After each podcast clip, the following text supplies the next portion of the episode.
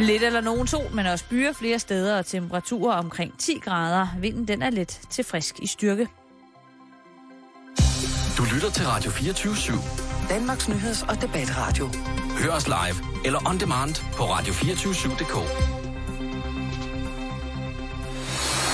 Velkommen i Bæltestedet med Jan Elhøj og Simon Jul. Ha, ha, ha.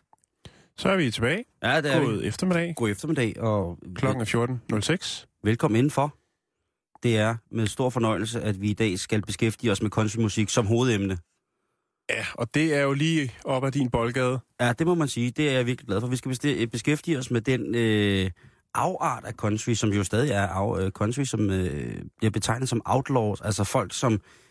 som Siger det, som det er. Ja, de, de brækker det ned i bogstaveligste forstand. Ja, det er et nyt fænomen for mig, Simon, men øh, jeg vil sige, at jeg er meget begejstret. Ja. Øhm, Du har i hvert fald... Øh, vi har grinet utrolig meget i dag. det har vi. øh, over hvad countrymusikken kan bringe. Men det er jo ikke, og det er slet, slet, slet, slet, slet ikke noget nyt fænomen, men det er bare noget, vi bringer til op til overfladen i dag. Ja. Øh, mm, Blandt andet. det er det. Vi skal lige rundt om, øh, om, om, om Michael Rasmussen, Ja, cykelrytteren, som jo bliver ved. Nu er det øh, kommet så langt, at han er begyndt at trække lidt i land omkring nogle, øh, nogle tidligere kollegaer. Og vi skal ikke hælde sovs på bålet ved at nævne navnene. Nej, det skal vi ikke. De Det, står ingen grund overalt i men nu De ved, hvem de er. de ved, hvem de er. Og Michael, han ved sikkert også, hvor de bor. Og de ved sikkert også, hvor Michael bor. Ja. Han er begyndt at rive land nu. Men som sagt, så har vi jo fået øh, fat i, om, eller op under neglene, Jan, nogle Ja. optagelser af, af, af, af kyllingens øh, cykeltræning. Ja, lige præcis. Så- Og det, øh, det er altså... Det er hemmeligt. Ja. Det er hemmeligt, og det Indtil nu. Indtil nu. Vi løfter bragte- sløret for, hvad der for, rent, for, rent faktisk foregik øh, Tour de France, da, da Kylling han øh, hoppede i den gule trøje. Ja, vi ved jo ikke, om det er Tour de France, øh, men, men Det formodes. Det, det formodes af de kilder, vi har fået i dag, at det er Hvis lige... man lytter mellem linjerne, så kan man godt regne ud, at der er, der er gang i noget stort. Det er noget rigtig, rigtig stort. Øhm, og jeg synes lige, at vi skal her øh, i dag, når vi starter, øh, som, som en, en voldsom start på programmet, det kan det jo godt blive for nogen. Ja. Men her er øh, en af de øh, en af de lydbider, vi vælger at bringe. Der er mange, der er meget øh, hårdt stof, lad os sige det på den måde. Ja. Men vi, vi bringer uddrag, og øh, her kommer øh, det andet uddrag af, øh, hvordan det lød, lige inden at øh, Michael Rasmussen han skulle øh, i gang med at måske cykle sin livs mest afgørende etapper i Tour de France. Så, nu kan denne her cykel snart blive ren. Så, så vasker jeg lige alt det beskidte væk her, hvor jeg skal sidde. Tuk, tuk, tuk, tuk, tuk, tuk. Og her hvor kylling skal sidde. Ja, kylling min allerbedste ven. Han skal nemlig ud og cykle en tur med mig, det har jeg bestemt. Så bliver han sikkert så glad, og så siger han, pip, pip, gok, det var vel nok en god idé. Ja.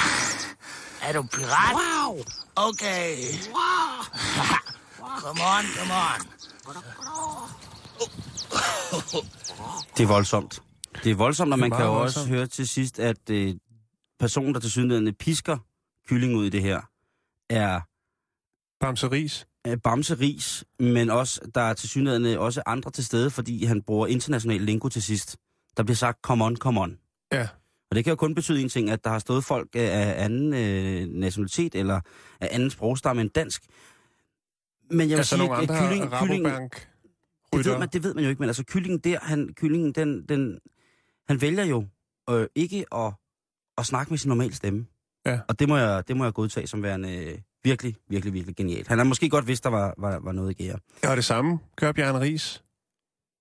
Han Jamen, snakker heller ikke med sin egen stemme. Bamse Ries er jo øh, en mytisk figur Mm. i, i det her Tour de France, det, det må vi sige. Men, øh, men vi har hele resten af ugen, der har vi jo altså, øh, ja, der har vi øh, bider Mm. af, af ting. Det er meget vildt, Simon, fordi nu har jeg lige øh, skæmmet lidt den bog der. Ja. Gul feber, ikke? Jo. Øh, og det er jo meget vildt, at han også lige hiver konen med ind over øh, omkring noget doping. Øh, Hva? Ja, øh, han beskriver, at øh, da han øh, var med, øh, de var ind over Vild med Dans, øh, der Ja. tager han lige på Christiania sammen med lillemor Teresa. Fordi hun kan godt lide at ryge en, en, en, pive af, det, af den, den stærke pive, skulle jeg sige. Det stærke tobak. Er det kalifens bløde øje? Yes. Eller er det øh, hjerneblødningen Øh, Rutsker? Er det den, Som det øh, hedder i bogen, så hedder det chal. Øhm, så den han, brune øh, smørblomst fra Space? Præcis. Og øh, han øh, ryger lige et par solbriller, øh, fordi han tænker, at han skal ikke øh, genkendes ude på Flister Flistana. Så øh, han går ind, øh, og så er der gået hjælp med en af de friske, de friske unge drenge, der står derude og sælger den hellige urt øh, Mm. bag olietønderne, der råber, hey Michael, skal du købe noget Epo? Så selvom han har haft ebbe, øh, hedder hættetrøje på og solbriller, så er han altså spottet.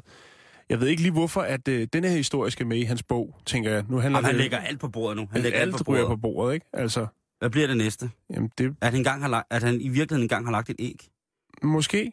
Men Tænk, jeg, hvor er det vildt, hvis kyllingen har lagt et rigtigt, et rigtigt menneskeæg engang. eller er det et- bare for et at understrege, at han var virkelig langt ude, altså på, på flere niveauer? Eller skal han nu også skyde skylden på sin dame? Ja. Som åbenbart øh, måske nyder en stor tisum i ny og næ, når hun sidder og ser cykelsport. Det kan også være, at hun har lidt, skal have lidt spænding i livet, fordi at på det tidspunkt, være, hun, øh, sidder og barber på en stor mærskomsnade derhjemme i ny og næ, men, øh, hun har tænkt, at min mand, han laver ikke andet end at sidde på en cykel. Det er kraft og så sidder Fix nede i kælderen sammen med Ja. Og hver gang, Rambo. hver gang han går ned i, i kælderen, så, øh, så må jeg ikke komme derned. Nej. Og så kommer de op, og så skal de, lige så snart de kommer op i kælderen, så skal de cykle igen. Ja, Helt vildt. Det, Det må, det må også være et hårdt liv. Så tror jeg også, at jeg havde taget tyde til at, øh, at suge den, øh, den hellige urt. Ja. Men øh, Jan, Nok om ham. nok om ham. Øh, Jeg ved, du har siddet og roder med... Øh, Lidt øh, aktuelle nyheder. ja, men du, du, Er- har, er du havde helt- noget om en katastrofal første date. Ja, nu skal du høre her. Øhm, det er lidt fra lokalavisen. Det kan vi jo godt lide. Det er sådan så, at øh, der er et, øh, en øh, ung dame, som øh, skal på date med sin kavaler. Øh, de skal ind og se øh, den film, der hedder Kvinden i buret. Den skal de se i Kinopalæet øh, på Klampenborgvej i Lønby i Nordsjælland. Mm. Kender du den kino? Det er jo dit hud. Ja, men det, var den, dengang jeg var øh, huseret ude i Lønby og omegn, der var der altså ikke noget, der hed Kinopalæet. Nå, okay. Øh, men det er en anden snak. Fred være med det. Ja, men øh, der sker så det, at de sidder og ser den her kvinde i buret, og øh, lige pludselig så kommer øh, politiet ind ad døren, og øh, sammen med en fra biografen, og de peger så op på den herre, en 27-årig herre, øh, og han bliver så øh, hævet ud af biografen. Det viser sig nemlig, at han har betalt billetterne med en øh, falsk 500 kroner Oh no. Det er lidt usmart på første date, ikke? At begynde at flashe de falske penge. Er han Jamen, begyndt at, han begyndt at, hvad hedder det? Og det har lige været den første, Simon, så det kan ikke have været derfor. Vidste han godt, ham daten, at det var en falsk 500 procent, eller har han stået hjemme øh, foran sin printer? Altså, han siger til politiet kl. 18.57, hvor at han ligesom bliver bostet, ikke? Mm. Øhm, der siger han så, at, øh, at han har modtaget sedlen i forbindelse med en gevinstudbetaling i en kiosk, øh, og han er bekendt, øh, altså han kender ham her, kioskejeren, og det er Ja. dernede, han har fået den. Øhm, men han bliver altså anholdt og taget med på stationen alligevel. Men altså, jeg tænker, det er ikke det, er ikke det smarteste lige at, at smide sådan en 500 bas, man lige har revet ud af printeren derhjemme. Ikke hvis han selv vidste det. Nej. Man kan sige, hvis, det, hvis, han, hvis, hvis historien om, at han har fået det i en gevinst holder vand i en kiosk, fair deal, den er off. Altså, ja. Ja. den abe er af hans ryg. 100 procent. Ja. Men hvis han har stået derhjemme med, med, med stor gøj og printet Og tænkte, nu skal jeg kraftedeme med imponere i dag, du. ja, 500 af de lange, du. Nu skal, jeg, nu skal den æderrød med have biograftur og Kvinde i McDonald's. buret hele lortet. Ja. Det er Burger King, der ligger ved siden af. Nå, det er også lige meget. Om det, det, det, det, det er en god vidne at have. Stakkels mand. Ja, så hvis man sidder derude og tænker, øh, det kunne være, man skulle prøve den nemme vej. Jeg har en øh, scanner og så videre. Øhm, ja, så er det altså ikke. Med. Og det er utrolig høj straframme, der er for falsk mønteri. Apropos mønter, Jan. Jyske Bank, Ja. ja. øh, de er vælten igen. Bankvælten. Den Ja. ja. danske presse er vilde med at øh, rive i bankerne. Danske Ja. ja. Bank har været under lupen med en... Øh, Det er en- det med café. Ja, Dan, Dan, Danske Bank startede jo øh, med at være med med at lave en kampagne, som øh, nok Danske for Bank. de, for de fleste... Danske Ja, nu snakker vi lige bare om, Okay, hvem der ja. har været i, i vælten, ikke? Ja, ja. Og øh, det, er, det, er jo, det er jo dem, der passer på vores penge, og der er jo mange af os, som jo lever på deres øh, nåde. Det tør siges. Og øh, Og tak for det, tak for det. Jonas Dam. Takkede du lige din øh, bankrådgiver der? Ej, Jan, for helvede altså. Det er sloppy. Nej, det er i orden. Jeg anerkender dig, som, øh, som Jens Rommelstad vil sige. Jeg anerkender dig. Jamen, det er godt. Øh, Jens han vil også blive glad, hvis du anerkender en bankrådgiver. Ja. Men nu er det Jyske Bank, der er under, under beskydning, Mm. og det er jo på grund af det her i Skattely-programmet, som Danmarks Radio jo, den danske statsradio har sendt, Mm. hvor at øh, Danmarks Radio har en vinkel på det, og Jyske Bank har en anden vinkel på det. Jeg gik bare lige ind for at kigge på Jyske Banks hjemmeside om, hvad, hvad står der egentlig? Har de nogle kommentarer til det her? Det har de selvfølgelig ikke. Fordi at de mennesker, som måske har brug for de her skattely, er så dødhammerne ligeglade med alt muligt andet end deres penge, så Mm. hvorfor skulle der også øh, være en kommentar på det? Men det, jeg fandt under Jyske Bank, det var, at øh, Jyske Bank, de har skrevet en gang, et øh, Jyske Bank-koncernen har skrevet nogle sætninger ned, som ligesom er deres værdier. Det er det Ja, værdis, et værdisæt. værdisæt, lige præcis. Sådan, så er vi der. Og det er jo også, efter det er jo, jo er blevet en café, og det er... Ja, man er lidt i tvivl om det er Barrasso, eller om det rent faktisk er en bank, man står inde i, ikke? Ja, men det er øh, fint, fint, fint. Ned, ned ikke så, så langt, hvor jeg bor, øh, der er der altså folk, der flokkes om, øh, om det her øh, café-bankmiljø. Ja. Og jeg håber virkelig, at mange af de søde ansatte, der er i Jyske Bank, i, kon- i koncernen generelt, får lov til selv at bruge de her kaffemaskiner og gå ud og, og sidde og Og hænge minkle lidt og, med kunderne. ja, spise lidt frokost ja. og, og spørge, om de må tage avisen og sådan ting. Og sager. Ja, altså jeg jeg, jeg vil sige, jeg vil hellere have det, end de der andre banker, hvor man går ind i dem, og så skal man hæve penge, siger, jamen, det er en pengeløs bank, så står man sådan lidt, jamen, ja. hvorfor fanden, hvorfor er jeg så? Ja.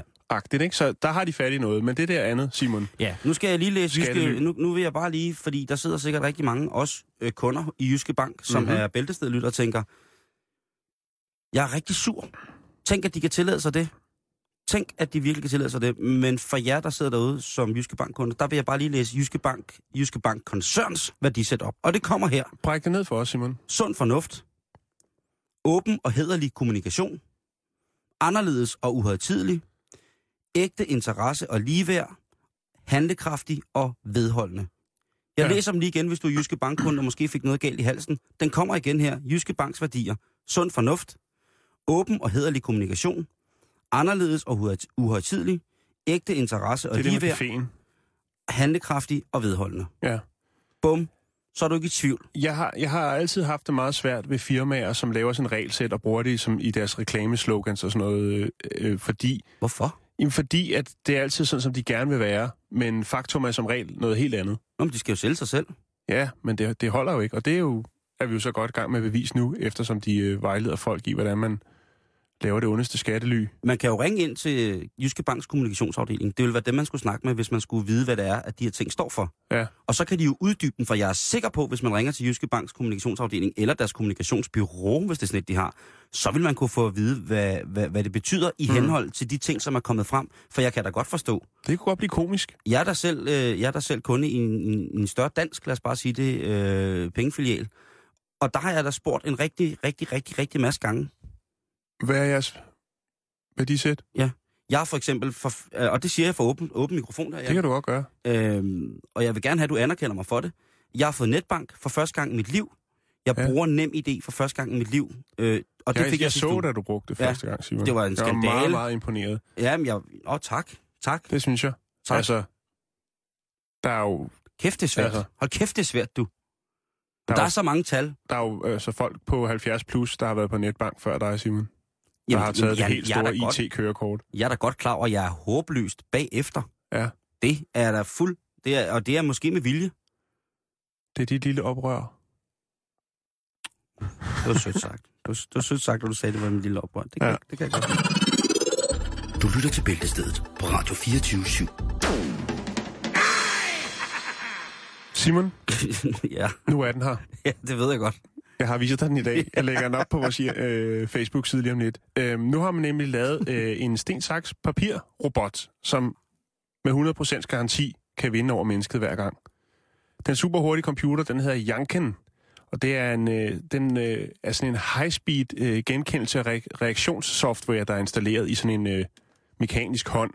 Det er en meget avanceret del af sådan en robot, som der for eksempel sidder i dit fjernsyn, hvis du har sådan en, der kan skifte kanaler med hænderne, hvor du vinker til den og sådan noget. Lige præcis. Så er det, så er det bare den på steroider. Fuldstændig. På krokodil. Og den er, altså, den er virkelig, virkelig hurtig. Det er utroligt, at den her maskine øh, er så avanceret, at den kan, altså, det tager kun et millisekund at spotte, hvad den menneskelige hånd, man spil, der spiller sten, saks, papir med den, ligesom hvad udfaldet bliver af din øh, håndbevægelse. Ikke? Åh, Jeg skal prøve at lægge det op, Simon, her om lidt. Ja.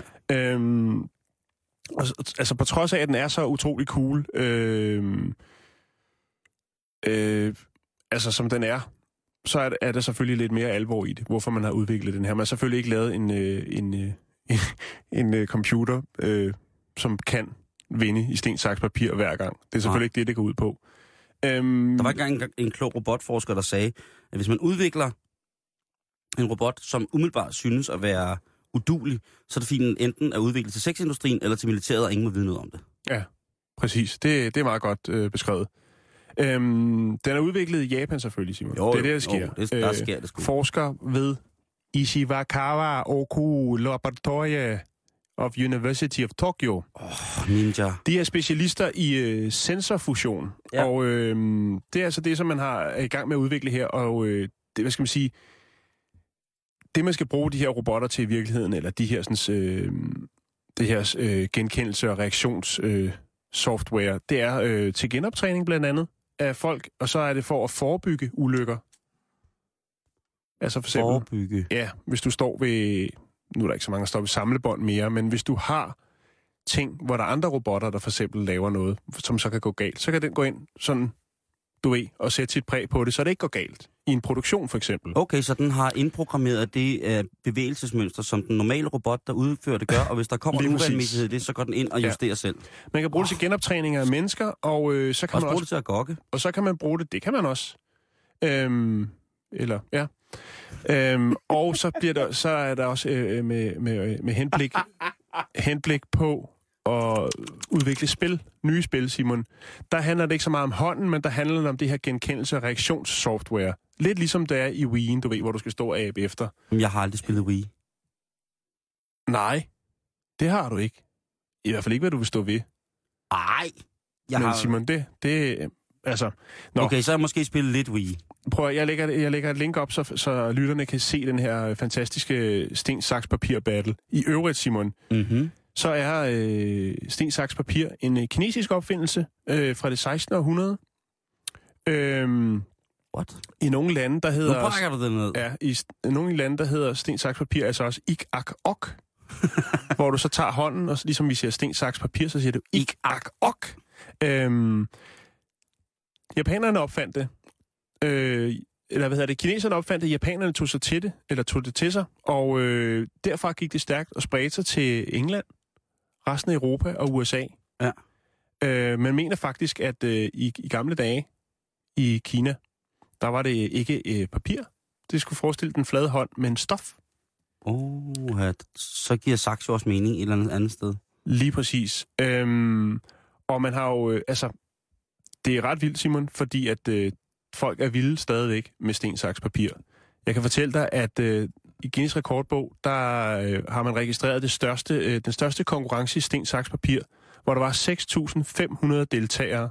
Det var i øh, juli 2010, og det var selvfølgelig i USA. Det var i Louisville, Kentucky. Det er også Der, bare... blev der, der stod der altså 6.500 mennesker og kørt sten, saks, papir. Der bliver også holdt, øh, altså der bliver holdt øh, mesterskaber i, i rigtig mange europæiske lande, Altså sådan, hvad, internationalt og nationalt? og verdensmesterskaber. Wow. Øh, I England, der, øh, der holder man mesterskab hvert år, og øh, den, den hvad skal man sige, vinder går videre til verdensmesterskabet, men Ja, ja. den, hvad skal man sige, den nationale vinder vinder 100 pund, Simon. Og udover det, så bare så meget respekt for at ligesom at være den bedste. Er, er det cirka 1000 kroner? Det er der omkring. Øh, jeg fandt også en, øh, en beskrivelse af sten, saks, papir. Øh, det er et håndspil, bliver det kaldt. Øh, man spiller to. Det vil sige en mod en. Ja, jo. Øh, hvor lang tid tager det at komme i gang med det? Ingen tid. Hvor lang tid kan man spille?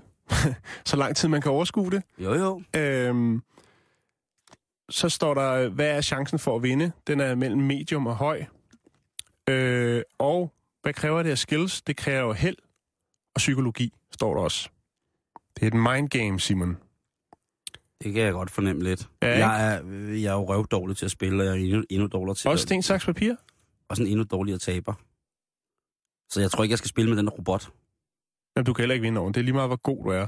Altså, jeg tænker bare på en ting. Hvad hvis man satte to af de her sten, saks, papir-robotter til at spille mod hinanden? Hvad ville der så ske? Det ville faktisk ikke kunne lade sig gøre, vel? Men det bliver overgjort.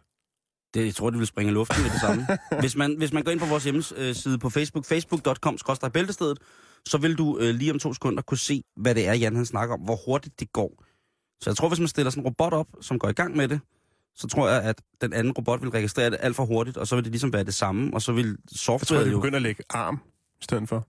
Jeg lægger den lige op med det samme, Simon. Enten vil det begynde at lægge arm, eller så vil det begynde at klappe. Jeg synes, at det sidste vil være aller, allermest tiltagende i virkeligheden. Hej, jeg hedder Mads Steffensen, og lige inden jeg øver mig på saxofonen, så lytter jeg til Bæltestedet. Har du fået lagt robotten om? Det har... Åh, oh, ja, det, jeg skal jo endelig passe på, at der ikke kommer tastefejl, fordi så er øh, den øh, friske og vågne lytter derude øh, klar til at skille os ud. Hvad vil, øh, hvad vil du helst på en første date? Fortælle, at du var verdensmester i sten, saks, papir, eller betale med en falsk 500 kroner? Jeg vil fortælle, øh, at jeg var verdensmester i sten, sten, saks, papir, fordi at det er jo ligesom noget, man kan gå i gang med med det samme. Det andet, det kræver noget forberedelse. Der skal man først lige have, ja, have printeren frem og sådan noget. Hvad vil du på en første dag helst fortælle? At du var verdensmester i sten, saks, papir, eller du havde opfundet en computer, som var verdens bedste, eller en robot, som var verdens bedste til sten, saks, papir? Jeg vil stadig sige, at det var mig selv. Min egen hånd, min egen skills. Jeg har lagt den op, Simon. Det, det er dejligt, Jan. Øh, vi har en her, øh, der handler om, at folk ikke opfører sig ordentligt, når de er ude at rejse. Og det handler så om verdens dummeste turister, verdens dårligste turister, Jan. Ja. Og vi har vel alle sammen her i Bæltestedet været ude at rejse med, om man har været i en lidt større by. Altså hvis man har været i IKAST, så tænker man jo også sikkert, at gæsterne for Herning er irriterende, eller hvis man... Hvis man, kan, øh, hvis man virkelig kan... Jamen, altså, folk skiller sig så meget ud. Jo, eller hvis man bor i, lokalt. i, i Hundborg i Nordvestjylland, og så tænker man jo også, at dem inden for Fjerdslev, de opfører sig tosset, når de handler Ja. ja. i Brugsen i Hundborg. Der er mange forskellige ting, ikke? Eller i, i Sønderborg, så mener man dem for alt aldrig opfører sig ordentligt, og vice versa. Men i virkeligheden, Jan, så Mm. er der øh, lidt, øh, hvad kan man sige, øh, historier her. Og det er øh, dejlige, dejlige berlingske tidene, som øh, bringer det for dagen. En af de fineste ting, de har skrevet i deres øh, avis i lang, lang tid. Og det handler om, at øh, hvem der er de værste turister. Der er nogle forskellige historier. Der er blandt andet to øh, stive englænder, som har været i, i Cambolage med, med ordensmarken, fordi de brød ind i SeaWorld. Okay. Og øh, de ville svømme med delfinerne i deres brændert. Og det øh, tror jeg, de fik gjort. Men på vej ud, så stod der en lille sød dværgpingvin. Og så tænkte jeg, ej, den er edderom nice. Så napper de dværgpingvinen og tager den med hjem på hotelværelset. Og det er måske lidt sådan en film, man har set, der hedder Tømmermænd et eller andet sted. Ja. Men de i hvert fald, de bliver så bange for den her pingvin. Er jo, det er en sød, altså har du set dværgpingviner? Det er måske, øh, det er det mest cute, YOLO, nice dyr, der findes. ja. Og den, øh, max nice. den sætter de så øh, ud igen, og De bliver bange for den, simpelthen. ja, ja, og de tænker, det, de, de bliver helt forfærdet over, hvad der er sket. Altså det der, de vågner op efter deres Ja, lige præcis. brændert. Lige, lige præcis. Så fuck, der står en pingvin Problemet i er, sengen. og de tænker, ej, det er godt, nu er der ikke nogen, der, der ved noget om det her. Øh, problemet er så, at de jo i deres brænder har filmet og lagt det på Facebook. Ja, det er dumt. Ja, det er rigtig, rigtig dumt. Øh, en kinesisk teenager, som der øh, skriver, Deng Jiao was here, i en meget, meget hellig grav i Ægypten. Det vælger han så ligesom at... Det er også dumt. Ja, det er dumt at skrive sit navn, Ja. ikke? Ja, og så Øh, oven i købet lægge det ud på nettet, eller hvad? Nej, Gør de, det? de, fandt, øh, de fandt ham via noget kameraovervågning, tror jeg. Okay. Historien melder ikke noget om det, men øh, da jeg søgte på den tilsvarende artikel i en udenlandsk, øh, på et ude- udenlandsk nyhedsmedie, Ja. der stod der, at øh, de nok havde øh, fanget ham, fordi at der er jo kameraovervågning alle mulige steder. Mm. Så er der en amerikaner. Amerikaner, det er jo... Ja. Dem kan vi godt lide jo. Det er jo dejlige mennesker, når de er på ferie. Men der er en amerikansk turist, som er på grækerferie. Han er ude at dykke. Måske undervandsjagter han. Og der får han altså fat øh, fingrene i en hexapus. Som er en meget, meget sjælden blæksprut. Ja, ja, det er det nemlig. Mm. Jeg ved, du kan dit undervands, øh, undervandsdyr, og, og specielt din bløddyr. Og øh, hexapus, den er simpelthen så sjælden, at den faktisk kun er blevet set én gang. det ved ham her amerikaneren ikke. Han tænker bare, Han var som squat. ja, I need some octopus. Så han går til øh, den, den lokale taverna, som sikkert bliver bestyret af en rigtig, rigtig sød og dygtig kok. Måske tidligere fisker, som hedder øh, Myklidis. Jeg ved ikke, hvad han hedder. Men i hvert fald, så får han tilberedt den her blæksprut, som han nu gerne vil have den. Så smovser han den. Han tager selvfølgelig billeder af den, og... Hvad siger de lokale? Nå, men de tænker, det er sgu, øh, det er sgu da bare en hexapus. Øh, Jeg ved ikke, hvad de lokale tænker. Han bliver ikke på noget tidspunkt stanset i processen, hvor han Nej. gerne vil fortære det her dyr, han har hævet op fra havet.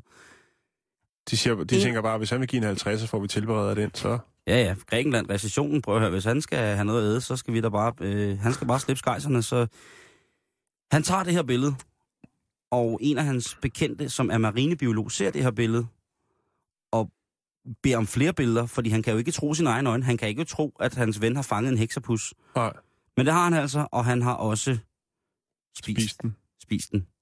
Nej, nej, nej, nej. Jo, nej. det er lidt ligesom ham, den dan- ham danskeren, som valgte at tage op og skyde en hvid hellig elg op i Sverige, ikke? Jo, jo, jo. Der er ikke, når man kører ind i den by, der er ikke andet end billeder af den hvide hellige elg, øh, elg, og da han ser den, så skal den selvfølgelig plaffes, det er klart.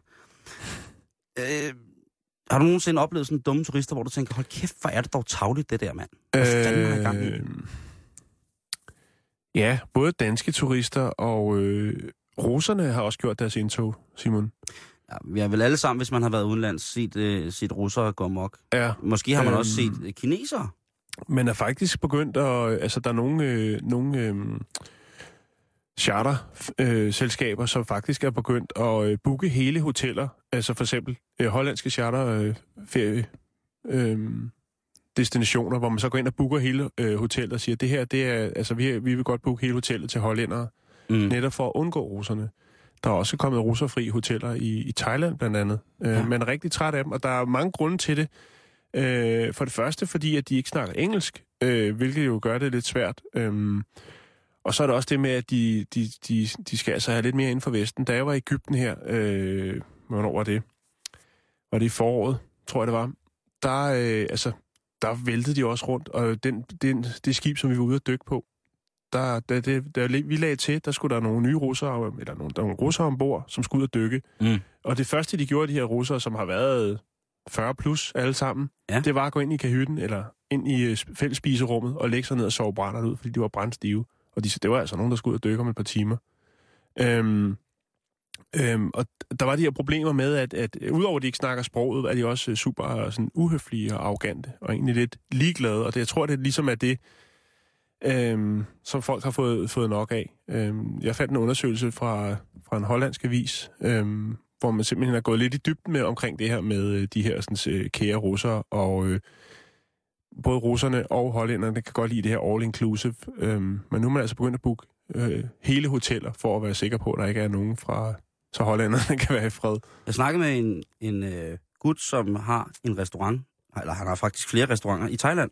Ja. Hvor de også var begyndt at have problemer med russerne. Og der gjorde han det meget enkelt sådan, at lige så snart han stoppede med at have menukort på russisk, Ja. så stoppede russerne med at komme. Ja. Så det er der også mange af de steder, og de små enklaver i Thailand for eksempel, hvor at russerne holder meget til, der er de bare begyndt at holde op med at skrive tingene på russisk, og så holder russerne være med at komme. Men øh, det er lidt trist, synes jeg, på en Det er måde. ikke? super, super Det er trist. selvfølgelig også at skære alle over en kamp, men jeg kan godt forstå, Ej, hvis man har mødt et... masser af russere, som var rigtig, rigtig søde på ferie. Mm, men jeg kan godt forstå problematikken i den, fordi det er jo ikke øh, de flinke russere, du øh, snakker om, når du kommer hjem. Det er alle dem, der har været fulde og stive, og det hvad hedder det, skaber bare dårlige øh, vibes omkring Mm. russer, ikke? Kineserne er jo begyndt nu på samme, øh, samme De er også trin. kommet til muffen. De er jo kommet til muffen igen, øh, og de er jo så også begyndt at rejse rundt. Og det er godt nok også et vildt folkefærd. Men jeg vil bare lige sige, at til kinesernes forsvar, når man er i Kina, så opfører de sig altså ikke anderledes, end de gør derhjemme. Det er meget fysisk, og det skubber og står i kø og springer over og spytter på bordet. Og øh, det er selvfølgelig ikke alle kinesere, der gør det. Der er også nogen, som kan tilpasse og afklimatisere sig, både kulturelt og antropologisk og på alle mulige andre måder. Men jeg siger bare, at hvis man er i Kina, en stor by, og man er ude at spise på kinesisk restaurant, jamen der bliver røget på restauranterne, og der bliver smidt affald på bordet, og det hele bliver taget væk i, mm. i duen som sådan en stor pose og sådan nogle ting og sager. Øh, Hvor at hvis man er i Rusland, hvis man opfører sig som russerne opfører sig i udlandet, så lige pludselig så står der en kæmpe stor mand, der hedder Oljek, som har fire meter mellem tænderne, og så siger han til dig, Ja. og så øh, spiser han dit pas, øh, og så, øh, og så skoldfokker han dig Og så rører du om bag en... Øh, en gammel Lada, og så Ja. blev du kørt ud, øh, ud i, i, hvad hedder det, ud, så blev du kørt ud midt mellem Murmansk og Novosibirsk. Og der blev du altså lavet om til, øh, til bjørnefoder. mm. Ved du, hvem der er de aller, aller, aller, aller, aller, aller værste turister, Jan? I hele verden, synes jeg. Altså, det er, hvad du synes. Det er, hvad jeg synes. Okay, nej, fortæl mig det. Det er danskerne. Hvorfor? For jeg hader at sidde steder i udlandet, hvor danskerne bliver smålige. Og det er jo fordi, mm. Altså det er der jo sikkert masser af andre turister, der gør, men jeg kan bare forstå det. Men det er vel problematikken bag, øh, hvad hedder det, øh, det her all-inclusive, når folk tror, når de, altså, når de betaler for alt, Ah, men det- så er det, det også bare, det. altså, så skal alt også bare være der, ikke? Jo, jo, det er ikke kun det, men det er jo også Nå. Det der med, når man sidder et eller andet sted, og det kan være alle mulige mærkelige steder, hvor folk så bare begynder at sidde og snakke grimt om de der, ja, nu har vi siddet her, og vi har fået øh, tre retter mad hver. Vi er seks mennesker, og det bliver altså 100 kroner. Er det ikke for meget? Det, vi skal ikke tippe. Vi giver ikke, vi giver ikke nogen drikkepenge. Nej. Nej. Og så også igen det der med, som du selv siger, med all inclusive, ikke? Jo, jo, Og der jo. står sådan en sådan blegfed øh, havrebamse nede i receptionen, der er helt solbrændt i hele, hele masken, og står, Altså hummerfjes. ja lige præcis, og han står der, og, eller hun står der og begynder at brokse over, at øh, der er sol, alt for meget sol ind på deres værelse, ikke? Jo. Jeg er kommet hernede, i hvert fald det Ja. første gang, og nu skinner solen ind igennem mit værelse igen. Hvad fanden bilder af? Jeg vil faktisk sige, Simon, øh, til mit eget forsvar, øh, jeg har det super dårligt med at brokke mig, når jeg er på ferie. Det har jeg også. Netop fordi jeg ved, at alle, andre brokker sig. Ja. Ja. Men øh, på et tidspunkt var jeg på ferie, øh, hvor det var et hotel, der lå ud til havet. Og jeg tænkte, at sidde derude om aftenen, ikke? Mhm. med en, en lille kold og nyde solnedgangen, mm. det ville være perfekt. Mm-hmm. Vi får så vores hotelværelse. Åbner døren, går ind, trækker det her kæmpe store øh, gardin for, fra øh, panoramavinduet. Yes. Og hvad står der så? Lige midt ude foran altanen, der står en kæmpe stor palme. så der er ingen havudsigt. Jo, hvis du lægger dig ned og kigger ud gennem glaspartiet, så kan du se havet, ikke? Jo, jo. Og så, altså... Der så blev tænker lidt... Ja, så tænker jeg, åh, og jeg havde det virkelig dårligt med at gå ned og sige, prøv at høre, kan vi ikke øh, f- få et andet værelse? Øh, og det fik jeg også, og de var også lidt sure, men jeg tænkte bare, altså det er jo ligesom det, der er i salgsmaterialet, ikke? Der er ikke noget billede af et øh, hotelværelse med en palme, der tager hele udsigten. Jeg havde glædet mig til at sidde der og kigge ud over havet, ikke? Og ligesom gå i dybden med mig selv og filosofere lidt. Og så står der en palme lige og tager udsigten. Men det er, jo også den hvis man eneste be- gang, jeg har brokket mig, tror jeg faktisk. Hvis man bestiller hotelværelser med havudsigt, så skal man bare være ret sikker på, at det er med havudsigt. For de kan jo tillade sig at skrive det, hvis det er. Jeg har boet på hotel, hvor jeg bestilte værelse med havudsigt, hvor jeg Mm. tænkte, sikkert et tilbud. Og der, allerede der skulle alarmklokken have ring, ringet og sagt, prøv at høre, du kommer ikke, altså du kommer måske til Ja. at kunne dufte noget, noget diesel, Ja. der er flødet ind fra det store hav, tæt Mm. på stranden. Men Simon, det er jo også sådan, man sælger de, øh, hvad hedder de, øh, 6. 7. paket øh, strandvejsvillager. Der er det også med havblik, ikke? Det kan godt være, at du skal op og lægge og rode på taget og skifte tegl for at kunne se vandet, men altså, i salgspræsentationen, der lyder det jo meget godt. Du kan, hvis du binder en stige på skorstenen på minimum 18 meter, kravle op med en sikkerhedssele på, og hvis du så stiller dig på tæer er over 81 høj i egen personlig højde eller angivet i passet, så, Så kan du havblik. skimte lidt hav. Præcis. Det er vildt. Men du Men, synes altså, at danskerne ja, er ja, dem, der er de, Jamen, det er fordi, at jeg selv har, jeg har det som dig. Jeg hader at brokke mig, når jeg, er på- når, mm. jeg er på ferie. Så det der med, når der står nogen og, og, og brokker sig, og tydeligvis allerede har fået mere i posen sæk, end de nogensinde havde fortjent. Ja. Og så står det øh, og skælder en eller anden lille mand eller dame ud, fordi at, jamen, ren håndklæder. Siger du, siger du til mig, at det skal koste mig 7 kroner at få et rent håndklæde, når jeg bor på hotel? Når der står utryggeligt i rejsebeskrivelsen, at de håndklæder, der bliver anvendt ved pølen, det skal være ens egne, Mm. så bliver jeg sådan lidt... Ah, Ved du, jeg også synes, der er irriterende ved sådan noget kæft, rigtig charterferie? Vi lyder som nogle sure Det er det, det der med folk, der går ned tidligt om morgenen og lægger deres håndklæde på læggestolene nede om poolen. Jamen, der, Og så kommer det ned tre timer efter. ja, der plejer jeg altid at sætte mig pisse på dem. Jeg plejer bare at fjerne dem. Så bare, når man lige har været at svømme morgentur, når man Så lige har bare taget peger over og sin... sige, ham der, når han tog dit håndklæde. Det er sjovt, fordi der var en, der lignede sig lige før, der tog lidt håndklæde. Nej, men man skal bare sætte sig ned, og så hoppe i vandet, og så når man sidder og drøber af, skal man bare pisse på håndklædet. Nej, Simon. Det kan du heller ikke finde på, det ved jeg. Du er sådan en pæn ung mand. Det ved du da ikke en skid om. Ja, så er der en servicemeddelelse til alle handlende, og det er altså fra Centerslagteren. Jeg kan godt fortælle jer, at der er noget lækker, lækker, lækker kød hernede ved køledisk 4. Det ser godt nok ud, som om hun har to børn, men hold kæft, hvor er hun lækker.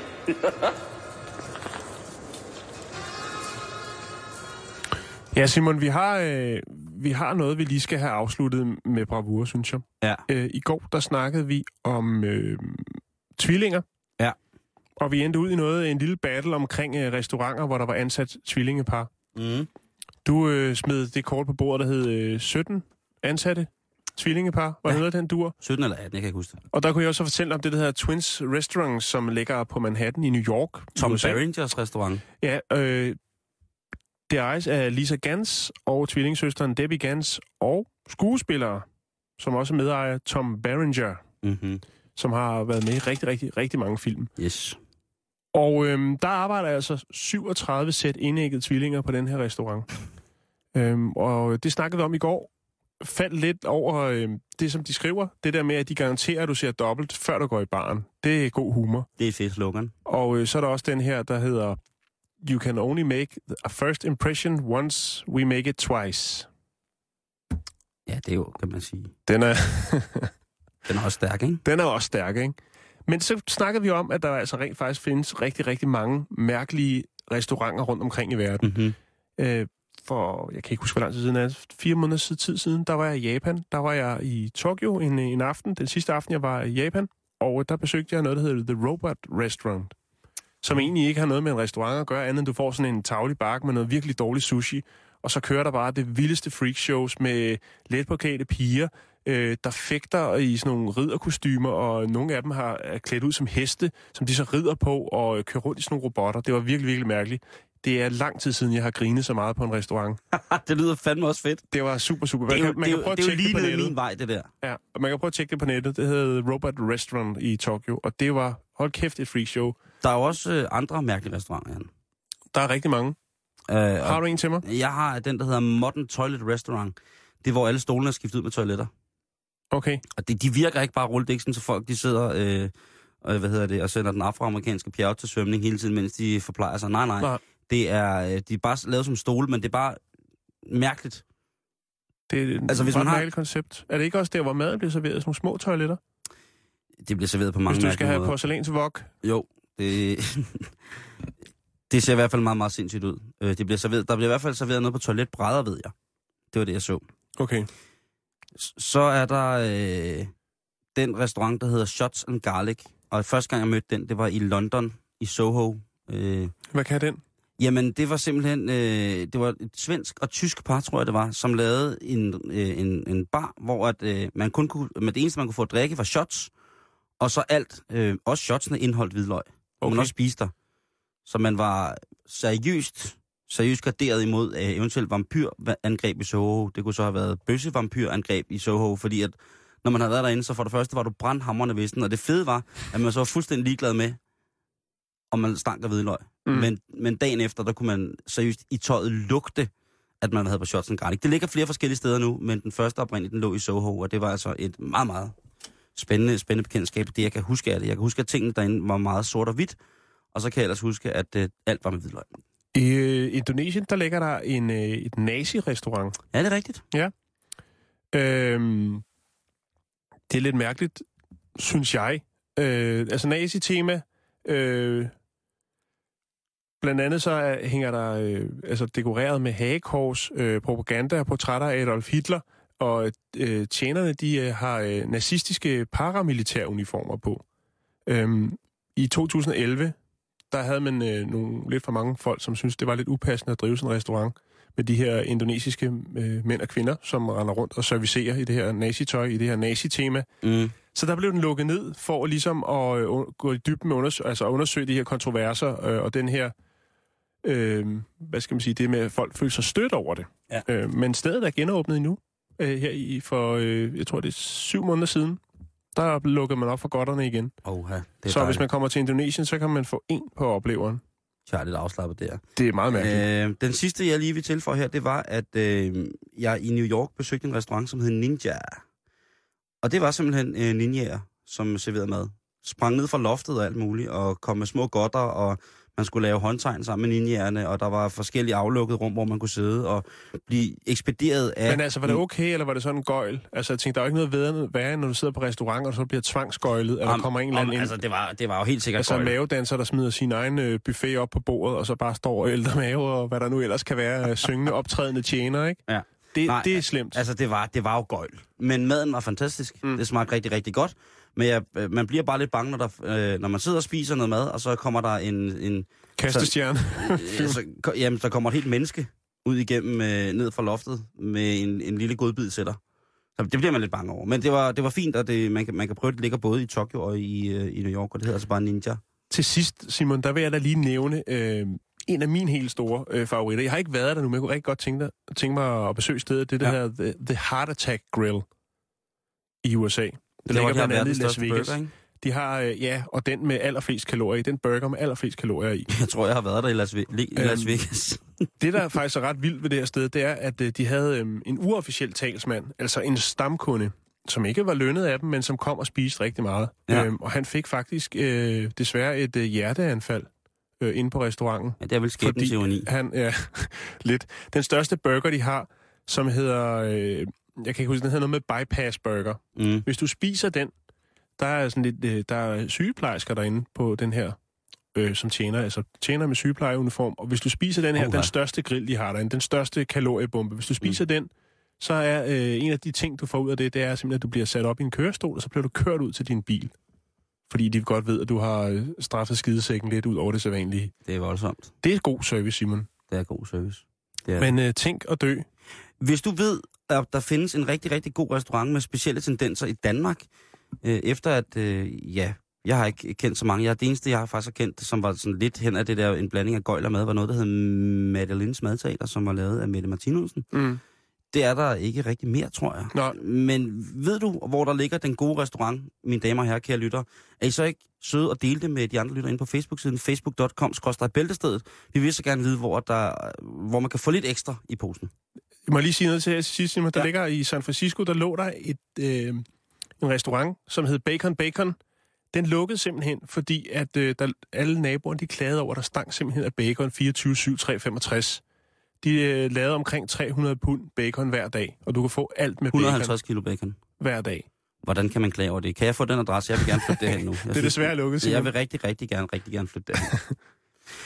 øh, men igen, findes der nogle restauranter, vi ikke kender til, og det gør der jo helt sikkert med gang i den her i Danmark. Og der, hvis I skriver Jensens Bøfhus og en klovn og en ballon, så får jeg fandme en røv fuld. Jeg nægter det simpelthen. Men i facebook.com, så må I gerne. Jan, vi skal til det, og vi skal til øh, i den grad noget, som ligger mit hjerte meget, meget nært. Ej, nu bliver det godt. Nu bliver det godt. Det er countrymusikken, som jo på mange punkter i mange år har været, været udskilt af mange og været en form for kitsch-ting. Der er nogen, der synes, det har været ulækkert, eller der er nogen, der synes, det har været for, for, for racistisk, eller det har været...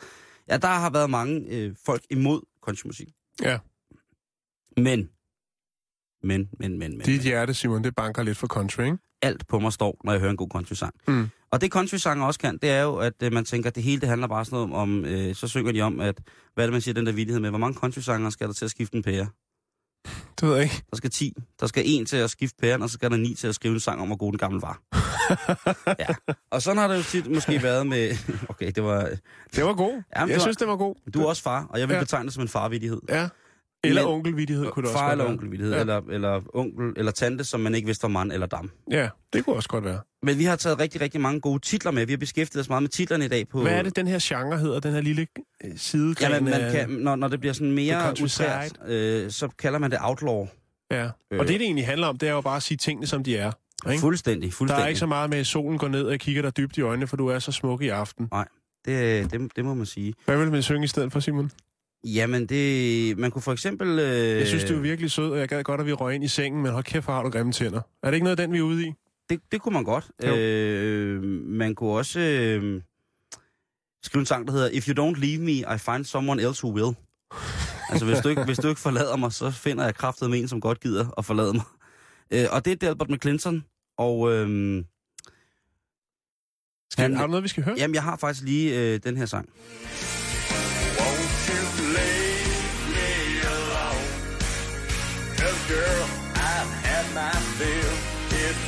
Don't leave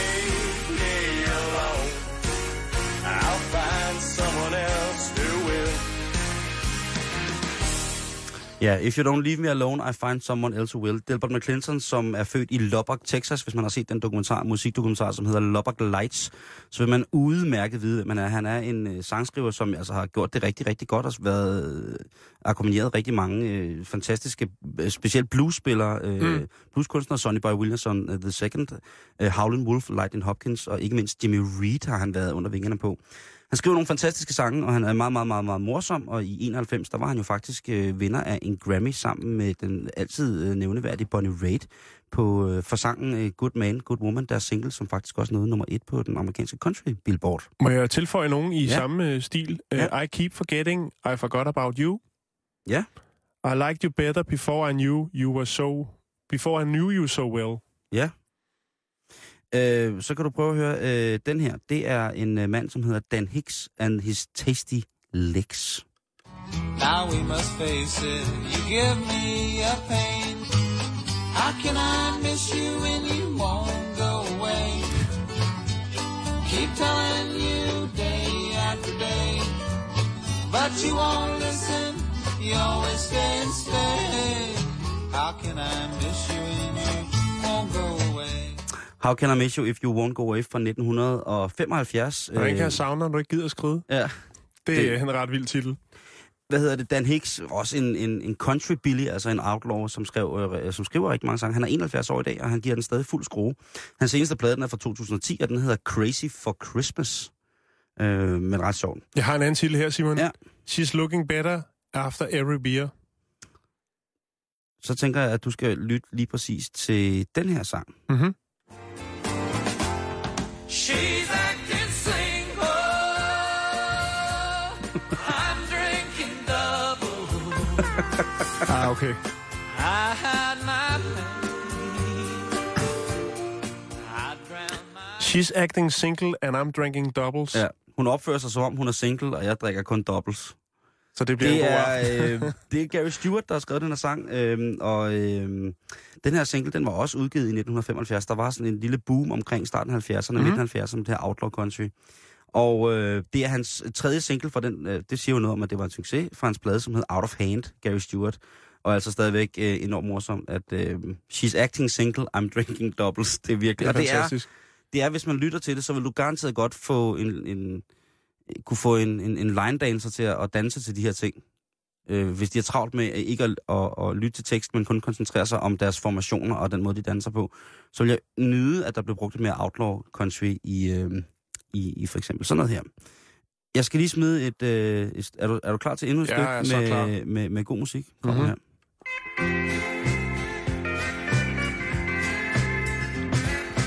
Don't bite the fucks you, honey. You got to learn to suck it funny. How those dicks all taste like rubber, covered with goo. Some comes clear and some comes milky. Some comes thick and some comes silky. Don't bite the dick that fucks you, honey. Let it be good to you. Ja, øh, på den pæne del af, af coveret, så hedder den her sang øh, fra David Allen Coe, den hedder Don't Bite the Dick That Feeds You. øh, og Ja, det handler, øh, ja, og, og, og, direkte oversat, og nu skal jeg godt, nu skal jeg kunne nok advare mod, det kan blive en smule krydret. Ja. Øh, man må ikke bide i den øh, pik, der sørger for, at øh, Der kommer med på bordet. Ja. okay. Øhm, den originale øh, Parental Advice udgave af det hedder Don't bite the dick that fucks you. Altså, lad være med at bide den Mm. pik, som knæpper dig. Men det er altså David Allen Coe, og David Allen Coe er en fantastisk mand. Han er øh, en, i hvert fald en af ophavsmændene til det her øh, rebelske outlaw country ting, hvor at, øh, han var bare træt af, at øh, alle folk de gik og hørte på det her pæne country, men han kunne egentlig godt lide musikken. Han synes bare, at teksterne var så sukkersøde, at han var ved at dø og visne indeni. Altså, Så han han var- en country rebel. det var han. Han er 74 år, som sagt, og han øh, har spillet med rigtig, rigtig, rigtig, rigtig, rigtig mange. Øh, første gang, jeg støder ind i ham, eller hvor jeg finder ud af, hvem han er, det er faktisk i øh, 1900 og... Nej, det må have været i 2002 eller sådan noget, hvor han har lavet et, et hvad hedder det, øh, et orkester, øh, som hedder Rebels Meets Rebel, og det er med Vinnie Paul og Rex Brown, og ikke mindst øh, Dimebag Darrell, gitarristen fra det fantastiske band Pantera, hardcore band, som desværre blev okay. skudt og dræbt, er øh, en af verdens absolut bedste guitarister i den genre, hvis du spørger mig, Dimebag. Og der, mød, der ser jeg altså den her gamle, gamle mand med lang, altså han har jo hår til langt over røven, og mm. altså sådan en countrymusikkens George Clinton, hvis man kunne forestille sig det. Mhm. Mm-hmm. Sådan helt, øh, helt vild, en blanding af, af, af Jytte Appelstrøms garderobe, der er sprunget luften ned i Anne-Marie Helgers øh, hattekasse, og så senere hen er blevet klædt på af, af Søren Pind uden det øje, der ikke ser så Med godt. Sanne Samuelsens hår. Lige præcis. Jeg kan se det for mig. Øhm, han, øh, han er beskrevet i den amer- amerikanske rock-antologi som opfinderen af det, der hedder country metal. Okay. Country metal! Og han var med der også op for, hvad hedder det, øhm, Kid Rock, som han skrev en sang for. Øh, den sang med Kid Rock, som hedder Altså Single Pamela for Andersens, en af hendes en af hendes... gamle øh, sydstatsdrøn. Lige præcis. Han, øh, I 2003, der var han med til at skrive den sang for Kid Rock, som hedder Single Father.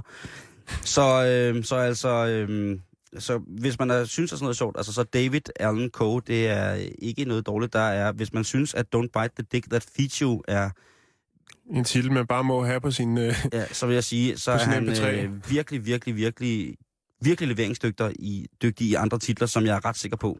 Du også, De er lidt dirty, Simon. Der er en her, der også hedder I'll marry you tomorrow, but let's honeymoon tonight. Hvis du forstår sådan en lille en.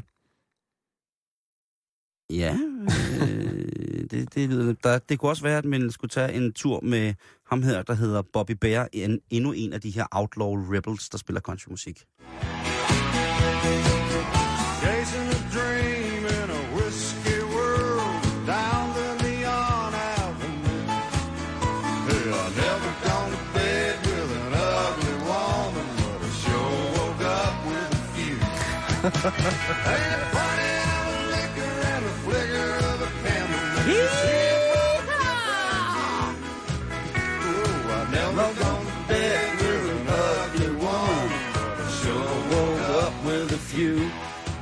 Øh, dejlig, dejlig mand, Bobby Bear. I never went to bed with an ugly woman, but I sure woke up with a few.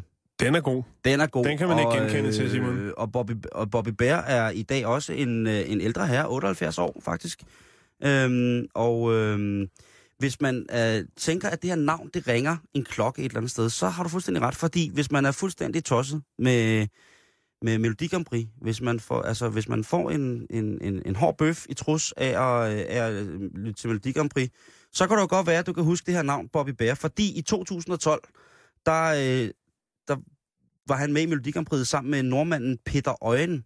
Mener du det? Yes. Det var da en vild Øhm, konstellation. Jamen, det, det var det. Og de, øh, de, hvad hedder det, sang den sang, der hedder Things Change, som er en sang, som Bobby Bear har skrevet, Ja. som Peter Øjen så vælter, vælger at stille op med i øh, selvfølgelig Azerbaijan. Og hvad kunne være mere passende, end at øh, manden, der har skrevet sangen I Never Went to Bed with an Ugly Woman, but I Sure Woke Up with a Few, fik lov til at optræde med en nordmand i Azerbaijan med sangen Things Change. Det er en ret vild konstellation, vil jeg sige. Men Jan, jeg kan se på... Jeg kan det se, første, han, han synger, det er, øh, han jagter en drøm i en whiskyverden, eller noget af den dur. Ja. I'm, I'm chasing a dream in a whiskey glass. Nå, det er det, han siger. Ja. Okay. Øh, jeg øh, leder, jeg har en våd, jeg har en våd drøm i et Ja. ja. whiskyglas. Eller jeg jagter en drøm i et whiskyglas. Det er meget poetisk i virkeligheden. Jo, jo. Og, det, og fælles for det her out, øh, outlaw country, det er, at mange af tingene faktisk er rigtig fine, det de får skrevet. De får bare skrevet det på, øh, på den helt rigtige måde. Mm. Og jeg har selvfølgelig, altså, der er selvfølgelig mere dejlig, dejlig countrymusik? Men vil meget på beding. høre. Ja, og nu er der kommet kvindelig islet i studiet. Det er Gertrud Højlund for eftermiddagen. Nå, så må vi Som, øh, som så også må du gerne må med musik, til... musikken lidt. Nej, nej, nej. Jeg, det, er, jeg har hørt Gertrud snakke fransk i et spansk i trafikuheld, så jeg Nå, for vil bare sige, at... Øh, øh, jeg vil bare sige, at øh, hvis der er en, der kan tåle det her på radiostationen, så er det øh, frøken Højlund. Øh, og jeg tror, der lige vil sætte øh, det her stykke musik på, Jan. Meget gerne. Ja. Crazy when she dumped me. I thought she's gonna pay for that. Just for fun, I bought a gun. It's heavy, cold and black. She's the one I set my sights on. And there's no way I'm gonna forget her. I still miss you, baby. But my aim is getting better again. Ja, I Still Miss You and My Aim is Getting Better. Den bedre kærlighedssang om, hvor at, øh, den forladte mand køber en pistol, og da han i det øje med ikke er særlig god at skyde, så lover han nu, at hans sigte er blevet bedre, Jan. Fantastisk uh, titel. Jeg tænker på, at øh, lige i nyhederne, så får du lige den her at gå på eftermiddag med, Jan. Jo, tak.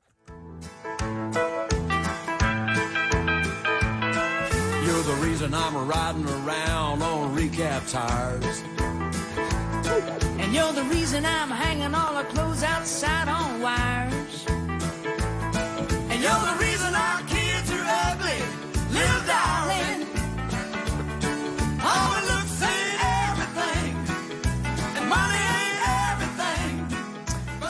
You're skylder the, skylden på hinanden, fordi de har fået grimme børn. yeah, you're the reason why the kids are, why our kids are ugly. Du er grunden til, at vores unger de er grimme. Det er Delbert McClinton og Casey Jones, der synger det til hinanden i en eller anden form for mærkelig kærlighedserklæring. og, øh, En smuk duet. og, på, og på den måde så har countrymusikken jo gjort så utrolig meget for os, Jan. Ja, det skal Og ikke mindst for hvide mennesker. Mm-hmm. Vi er tilbage i morgen med en ny omgang Bæltested. Med vi har en gæst. Ja, Hans Otto Bisgaard skal fortælle om Bob Marley. Kan det blive større? Jeg tror Nå, det ikke. det tror jeg ikke. Bliv hængende med Gertrud der eftermiddagen, men nu er der nyhederne. Klokken den er 15.